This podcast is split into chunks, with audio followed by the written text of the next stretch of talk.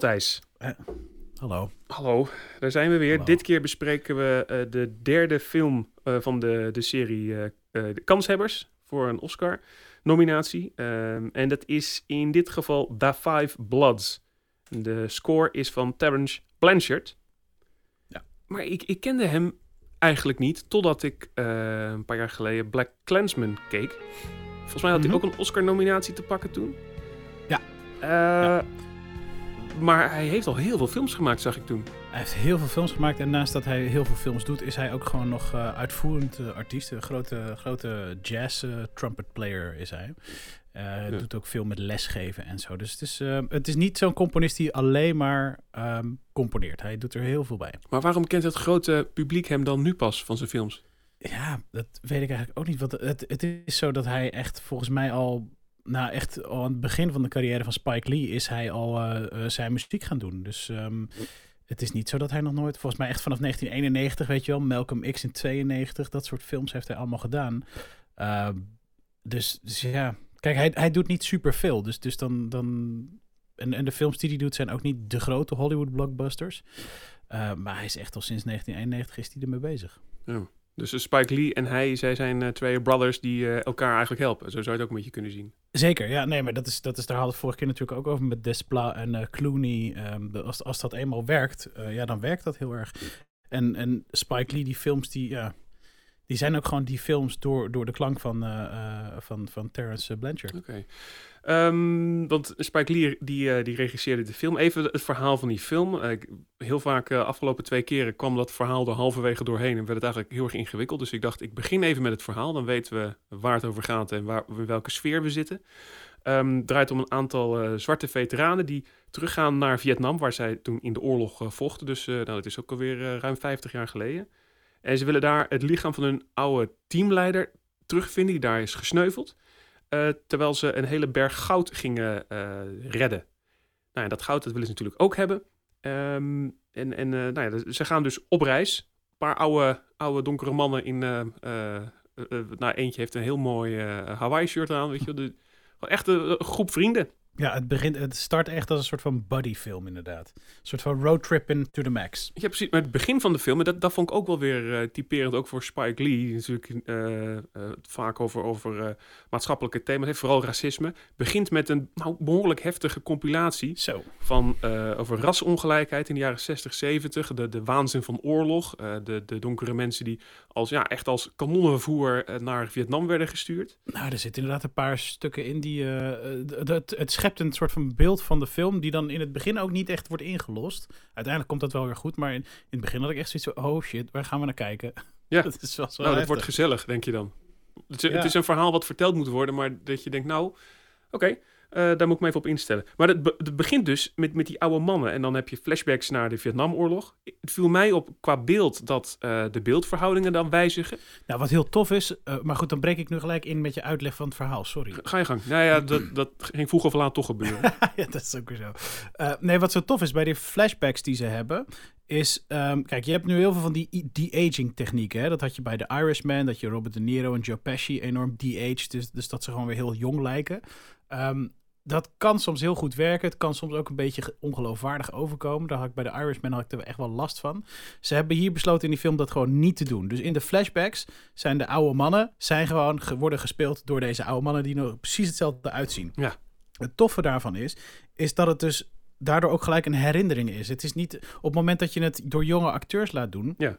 komt het veel meer over als... zo is het geweest, zo was het. Maar nu, doordat ze nog die oude mannen zijn is het bijna meer, ze herleven dat moment. Ze herinneren zich dat moment terwijl ze nu oude mannen zijn. Uh, en om dat toch als, zo'n, als zijnde flashback uh, te laten zijn, veranderen ze de beeldhouding. Normaal heb je 16 bij 9 en dan wordt het nu wordt het 4 bij 3. Ja, precies. Dan wordt het nu 4 en dan bij wordt het 3. vierkant. Dus ja, dan wordt het een ouderwetse televisie. Ja, en dan gooien ze dan zo'n soort van Ja. digitale korrel overheen, zodat het lijkt alsof het echt oude, oude footage is. Um, maar dat vond ik wel een hele toffe keuze, omdat gewoon dat die mannen gewoon zichzelf waren. Als oude mannen. Ja, en dan nog weer een e- extra, eh, extra nou ja, mooi en ook weer een beetje cru. Is er is één acteur in die scènes en die is wel jong. Ach ja. En dat is Ja, degene die op dat moment die gesneuveld is, die zij dus gaan terug gaan halen. En die wordt gespeeld door Chadwick, Bo Chadwick Boseman, ja. de man die vorig jaar is overleden. Dus dat, dat Dat vond ik, eh, vond ik best emotioneel soms. Want, want hij spreekt in die herinneringen. Ja, hè? Ja, of tenminste, het is, hij spreekt vanuit het graf bijna. Ook, ook eh, later in de, in de film. ehm, ja, eh, is het een soort van mengeling? Is het nou flashback of is het nou echt zo wat, wat je nu ziet? En, en daar. Ja, dat, dat vind ik heel, vond ik heel emotioneel gedaan. Omdat, omdat hij dat is. En je weet van, van ja, hij, hij, hij had toen al behoorlijk kanker volgens mij. En eh, Klopt. ja, nee, dat vond ik, vond ik heel mooi, maar wel heel heavy of zo. Zijn personage is er niet meer, maar de acteur is er ook niet meer. Nee, Storm en Norman. Maar ja, dat, die, dat, dat is dus die, die tegenstellingen. Hoor je dat ook in de muziek? Nee, de muziek vind ik juist heel erg eh eh, één geheel. Ik bedoel, we hebben, als we het dan over de gecomponeerde muziek hebben, hè, je hebt heel veel Marvin Gaye muziek ertussendoor. Wat overigens wel heel erg lekker is om een keer een soort van eh Vietnam film te zien zonder Painted Black van de Stones, dat soort muziek, weet je wel. Maar of Marvin Gaye of de muziek van Terence Blanchard. En de muziek van Terence Blanchard, ehm, die vind ik, die, die, die ligt er als een warm deken overheen en die houdt het allemaal bij elkaar. En het is een soort van Americana feel, bijna een soort van Aaron Copland eh, vibe die er, die er in de muziek zit. Veel koper, bijna koraalachtig geschreven soms. En, en ehm, het mooie is, kijk, er zit in die film een soort van omslag. Je begint als een soort van buddy veteranenfilm en al halverwege de film ehm, slaat eigenlijk de, de goudkoorts toe en dan kom je eigenlijk soort van in een modern day thriller terecht. Maar omdat de muziek nog steeds hetzelfde is, ehm, heb je eigenlijk kom je tot de conclusie dat je nog steeds op een slagveld zit. In het eerste gedeelte door de flashbacks is dat het slagveld van Vietnam. En nu is het hetzelfde locatie waar ze zitten zoveel jaar later, maar het is weer een slagveld. Alleen nu ehm, gaat het over eigenlijk dus, dus, dus het, het stelen, dan wel niet stelen van eh, het goud. Maar doordat de muziek nog steeds die Americana Copeland vibe heeft, eh, voelt dat als het, alsof ze nog steeds in hetzelfde gevecht zitten bijna. Dus het, het, het, is, het is echt lijm tussen de twee eh, tijden, werelden en, Ja. en de slagvelden. Nou, eigenlijk inderdaad tussen, tussen de flashbacks, tussen, de, tussen hedendaagse. En dan ook nog eens een keertje door eigenlijk de twee verschillende films die je, die, die je zit te kijken. Want wat ik zeg, in het begin zit je echt een soort van mooie emotioneel drama, eh, oude veteranen buddies. Wat op een gegeven moment gewoon, eh, ja, they turn against each other. Ze, ze gaan door de, door de soort van goudkoorts. Is het bijna een soort van the good, the bad and the ugly op het laatst, weet je wel. Als ze dat geld zoeken, dat, dat iedereen, eigenlijk toch een soort van iedereen voor zich bijna gaat. Ehm, en, en voor je gevoel, en dat doet Spike Lee wel vaker, of iemand als Quentin Tarantino natuurlijk. eh, halverwege slaat de film om en heb je het echt gevoel alsof je naar een andere film zit te kijken. En de muziek houdt dat echt bij elkaar. Dat is heel fijn. Ja, want ze hadden ook ervoor kunnen kiezen om op het moment dat het omslaat ook eh, juist weer een heel contrast op te gaan zoeken. Precies, precies. En ik denk, ehm, kijk, het, in sommige films komt het, voelt het heel natuurlijk, zo'n omslag. Bij deze film vond ik, voelde ik hem meer, of dan valt hij meer op. De, heb je toch het idee dat je de, de, de mechanica daarachter iets meer door hebt. Eh, als de muziek dan ook om zou slaan, dan zou dat een te groot contrast zijn. Dan heb je echt een soort van Twee films. ja, dat, dat, ja, dan zit je echt naar twee verschillende films back-to-back die toevallig eh, achter elkaar eh, kunnen te kijken. Terwijl nu blijft het één film. En ja, dat is wel een hele, hele goede keuze geweest om daar de muziek gewoon een soort van hetzelfde te blijven houden. Nou, en dan dus de muziek die niet gecomponeerd is door Terence Blanchard. Je zei het net al, eh, Otis Redding, eh, of Marvin Gaye zit er vooral in. Eh, ik hoorde ook, eh, wat, wat hoorde ik nog meer? Eh, Ja. Curtis Mayfield. Eh, heerlijke muziek, gewoon oude, oude, oude soul. Ja, heerlijk. Ehm, en inderdaad, fijn dat het een keer niet Painted Black is of, eh, of van die andere... de, niet de, hip, de hippie kant, zeg maar, maar de, gewoon... de- There's something happening in the air. dat is ook zo'n... Maar er zat dus één ding tussen. En toen maakte ik echt een klein sprongetje. Ik zat ongeveer eh, met gebalde vuist. Ja, ja, op de bank. ik voel hem aankomen. In, het is een verwijzing naar een eerdere film, ook in Vietnam. eh vanuit een heel ander tijdperk. Ook met een eh, anti-oorlogsboodschap ook. Toen in een helikopter, maar nu in een boot.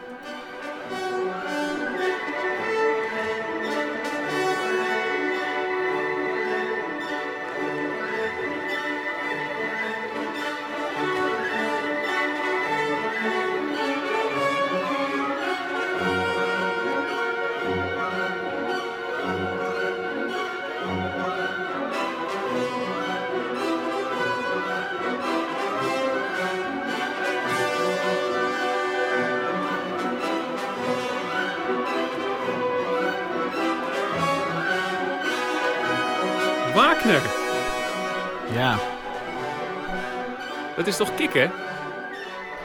ja. Heel erg kicken. Bedoel, Wagner en ehm, Marvin Gaye naast elkaar in een film. Hoe, hoe groot contrast wil je het hebben? Nee, wat zo leuk is, ehm, en, en waar, ja, kijk, wat zo grappig is, door, door, door Wagner te gebruiken, nou, ik bedoel, daar, daar, weet je, dat is één soort van grote erkenning aan het genre waarin je werkt dan, hè, als, als Vietnamfilm uh, dan, um, naar Apocalypse Now. Maar wat ik zo grappig vind, is, is je neemt jezelf daar zo niet zo serieus mee. Dat vind ik zo tof dat hij dat heeft gedaan. Want laten we wel wijzen, bij Apocalypse Now, daar zie je die helikopters vol beladen uh, met, met ammunition. En je ziet jonge soldaten erin. En nu zie je heel lullig een bootje met een paar oude, wat dikke veteranen, zeg maar. Die, Ja, die met een stok een, een, een elektriciteitsleiding omhoog duwen, ja. zodat de bootje eronder door kan. Ja, precies. Dus, dat is nog, ja. Nee, maar dat is, dat is zo heerlijk dat je jezelf op die manier zo enorm niet serieus neemt. En, en zo'n enorme knip naar jezelf maakt. Dat vind ik, vind ik heerlijk, vind ik mooi. Vind ik gedurfd ook wel. En past, maar hoe uh, valt dat voor jou, uh, Wagner, in, in die soundtrack van Terence Blanchard? Is dat, is, zijn dat stijlen die goed bij elkaar aansluiten? Of is dat... Nee, de, de, dat, dat gaat ergens natuurlijk helemaal niet bij elkaar. Maar dat is ook helemaal niet de bedoeling, weet je. Dat, dat is ook echt gewoon puur alleen maar om die knipoog naar het Vietnam-genre te maken, volgens mij. Dat heeft niks met Marvin Gaye of Terence Blanchard te maken. Dat, dat, dat mag gewoon totaal iets anders zijn. Dat is helemaal prima. En dan, uh, dat is dus ja, niet gecomponeerd natuurlijk door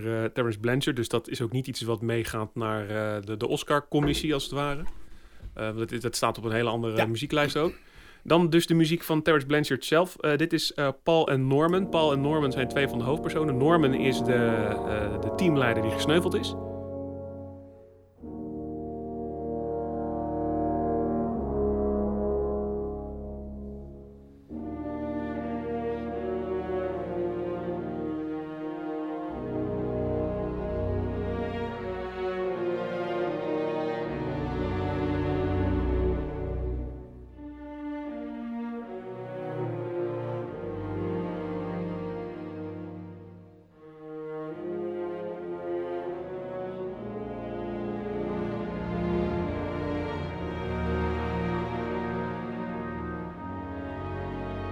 En uh, Paul is een van de, nou ja, van de oude mannen die daar naartoe gaat. Uh, en, ja, en die ook het meest eigenlijk door de, de, door de dood van Chadwick Boseman, door de dood van Norman, is hij het meest uh, gepijnigd eigenlijk. Hij loopt daar nog steeds het meeste mee rond en heeft daar het meeste trauma van. Ja, dat hoor je ook wel, hè? Want het, is, het, is, uh, het zijn, het zijn hoorns die een beetje zo'n dreigende... Ja, absoluut. Je duikt een beetje in zijn ziel. Getergd ook wel.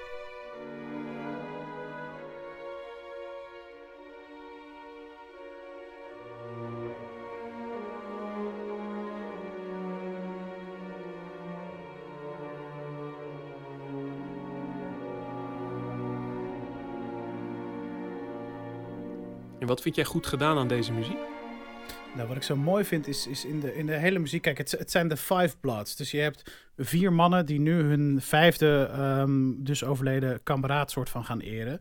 Uh, de vier mannen, eigenlijk zijn dat contrasterende de, de gasten. Die, die, die vechten een beetje met elkaar, backvechten. Uh, en um, Norman, Chadwick Boseman, dat was volgens mij de bevelhebber, maar dat was ook een ja. soort van de rust zelf. Die bracht ze de hele tijd. Het was een soort van het, het moreel kompas van de groep. En de muziek vertelt dat morele kompas de hele tijd. En er zit woede, er zit, er zit wrok, er zit frustratie in de mannen en ook in de muziek. Maar er zit altijd een soort van deken van liefde of emotie in die muziek. En dat is eigenlijk een soort van de stem van die Norman, van, van, van Chadwick Boseman, die hun de hele tijd soort van kalmeert. Voor, vorige week uh, zei je de Midnight Sky die we bespraken van Alexander Desplat. Dat is wel echt een serieuze Oscar-kanshebber. Ja. Deze film? Nou, qua muziek wel, denk ik. Qua film weet ik het niet zo goed. Dus ook een beetje omdat ik lang nog niet alle films heb gezien. Dus ook niet echt weet wat, wat de competitie is. Um, maar ik, ja, nee, ik, vind, ik, vind het, uh, ik vind het zeker muzikaal gezien een hele, hele goede, fijne, fijne film. En ik, uh, ik vond hem heel vermakelijk. Um, wat, ik, wat ik zo mooi vond aan aan, aan muziek hier.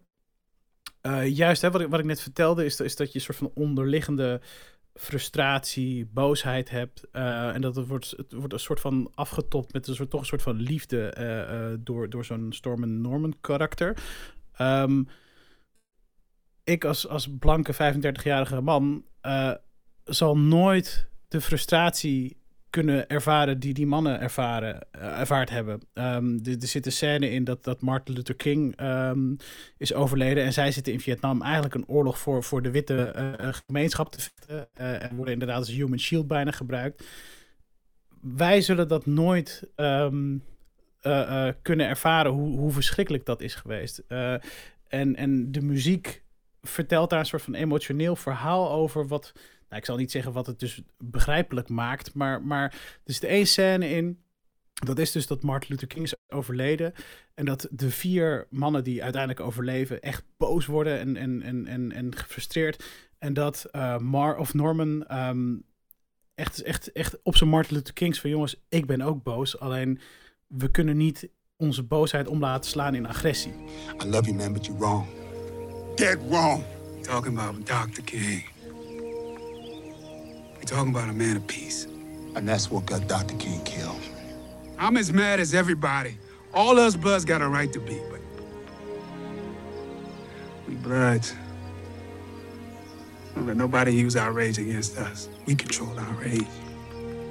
And what y'all trying to do right now ain't changing shit. So stand down. That's an order. Nah, fucking order, Norm. You're gonna have to kill me first. Blood on blood. En de muziek die dan wordt verteld, die, die vertelt precies hetzelfde verhaal als dat Norman vertelt. De boosheid, maar, maar wel doordacht en laten we kalm blijven. En ja, dat, dat vind ik zo mooi. Die muziek vind ik, en het acteerwerk van, uh, van, van Boosman, die muziek laat je misschien heel even een inkijkje geven in hoe zo'n situatie was. En dat is, ja, dat is prachtig ontroerend gedaan. MLK Assassinated. Matthijs, dankjewel. Graag gedaan.